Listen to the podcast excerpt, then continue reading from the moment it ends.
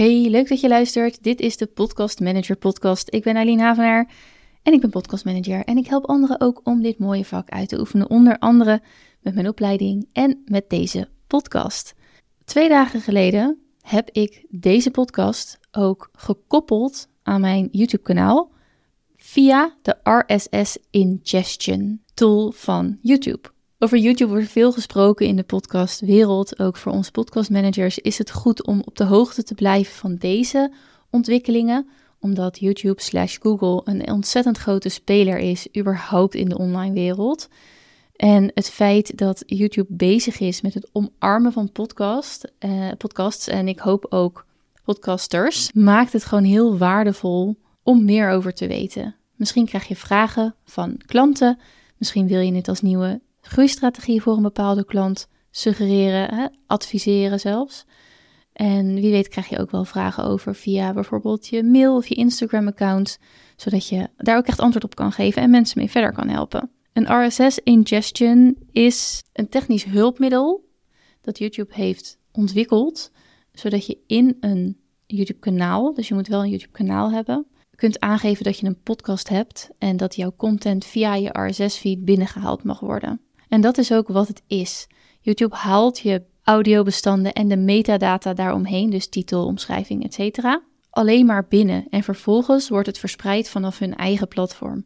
Je zult dus ook in je podcast hosting nog geen downloads zien van YouTube. Ja, één, want eenmaal binnengehaald en op de eigen server gezet, hoeven zij dus geen gebruik meer te maken van die RSS-link.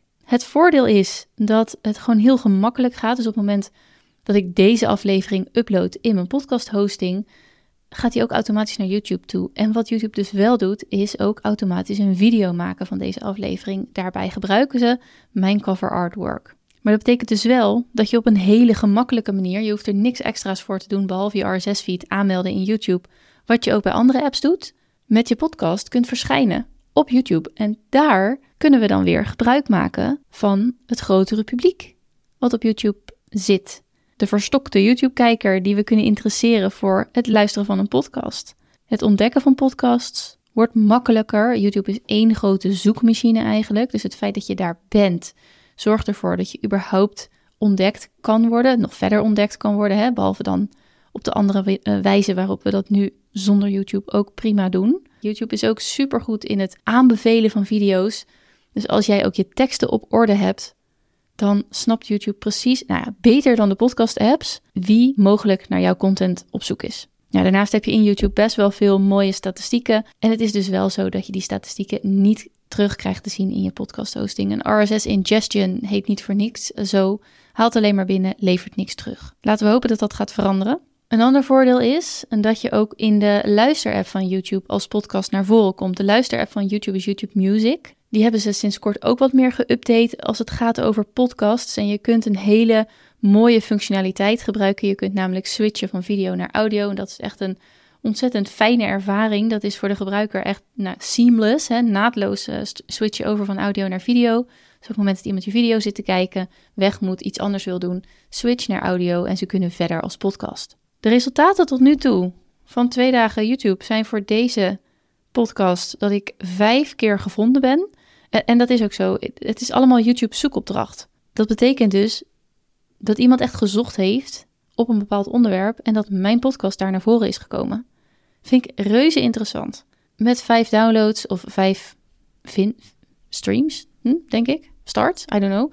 Met vijf uh, kijkers kun je natuurlijk nog niet zeker zeggen wat er allemaal precies gebeurt en waar wat wel werkt en wat niet. Maar het feit dat ik hoopte dat het voor ontdekken zou zijn en dit, nou ja, in ieder geval in de eerste fase zeker ook gebeurt, ja, dat geeft me wel moed en dat geeft me ook de reden dat ik deze nu ook opneem. Want ik denk als ik je nu even meeneem in de resultaten tot nu toe. En dan kom ik gewoon af en toe eens bij je terug om te vertellen. hey, hoe zit het nu met YouTube? Wat zijn de resultaten? Wat zie ik gebeuren? Krijg ik comments? Hè? Want dat is ook natuurlijk wel heel erg tof. Op YouTube heb je de mogelijkheid om comments te vragen. Wat je daarmee dus kunt doen met je klant, is bijvoorbeeld ook zeggen van joh, uh, zeg in je podcastaflevering dat je op YouTube te vinden bent en dat je dus een comment kunt achterlaten. Dat zou natuurlijk een hele mooie groeistrategie kunnen zijn of een, een manier om voor de podcaster, voor jouw klant of voor jouzelf, om met je publiek in contact te komen. Maar goed, hoe doe je dat nou? Je moet natuurlijk wel al een podcast hebben eh, met een RSS-feed die gewoon openbaar beschikbaar is en een YouTube-kanaal. Eenmaal op je YouTube-kanaal ga je naar je YouTube Studio dashboard en daar kom je door rechtsbovenin op het logo van het YouTube-kanaal te klikken en dan voor YouTube Studio te kiezen. Dan zie je rechtsbovenin naast datzelfde logo de knop maken en daar kun je kiezen voor nieuwe podcast. En waar eerst alleen een nieuwe podcast maken of een bestaande playlist instellen als podcast beschikbaar was, zie je nu ook dat je een RSS-feed kan indienen. Dit gaat op dezelfde wijze als elke andere podcast-app. Het zou kunnen zijn, dat moest ik doen. Het is een geavanceerde functie van YouTube. Dus ik moest een extra verificatieronde door. Ik moest, uh, er waren een aantal opties, waaronder mijn ID-bewijs uploaden. Nou, die zag ik niet zo zitten. Maar uh, ik heb een video van mezelf moeten maken, zodat iemand kon zien dat ik een mens was. Nou, dan die maar. Dus dat heb ik gedaan. En toen kon ik ook echt de op van de optie gebruik maken om de RSS-feed in te dienen. En wat hij dan gaat doen als je eenmaal dat gedaan hebt en je zegt: Oké, kom maar. Dan gaat hij alle afleveringen binnenhalen. En dat duurt eigenlijk best wel een tijdje. Anders dan als je je RSS-feed bijvoorbeeld verhuist naar een andere podcast-host. Die hebben binnen no time alle gegevens binnengehaald. Maar YouTube maakt er natuurlijk direct een video van. Dus die hele afleveringen-serie die wordt verwerkt tot video. Als die eenmaal klaar is, dan staat alles op privé. Dus zorg dan wel dat je alles op openbaar zet. Maar bijvoorbeeld uh, plandata of publicatiedata, die zijn allemaal netjes meegenomen.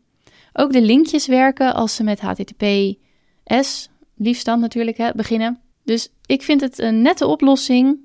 Het zou natuurlijk ideaal zijn als ze ook terugleveren aan de podcast hosting. Maar we gaan het gewoon volgen. We gaan de ontwikkelingen volgen. En voor nu zou ik zeggen, als het bij je klant past of als het bij je eigen podcast past, probeer het eens. Het is niet moeilijk, het is zo gebeurd. En wie weet wat het je oplevert.